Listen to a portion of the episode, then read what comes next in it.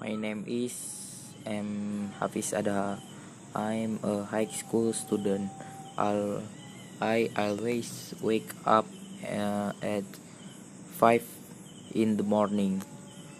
I showers at uh, 5.15 and then at 5.35 then I prepare my school equipment at 6 o'clock. I have breakfast then at 6 lewat 15 pagi. Eh I said goodbye to my mother and father. I went to school on a motorbike school star motorbike school star at uh, 7.30 pm and I go home at 4.00 pm.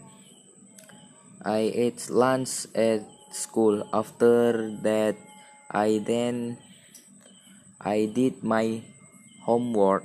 I showered at 4 300 p.m. After finishing the showers, I played video game in the room until evening my family and I had dinner at 7.15 p.m. After that, I learned the lesson for next for the next day at 8.30 p.m. and at 9.30 p.m. I continue play playing video games and at 23.59 I turned off the video game and went to sleep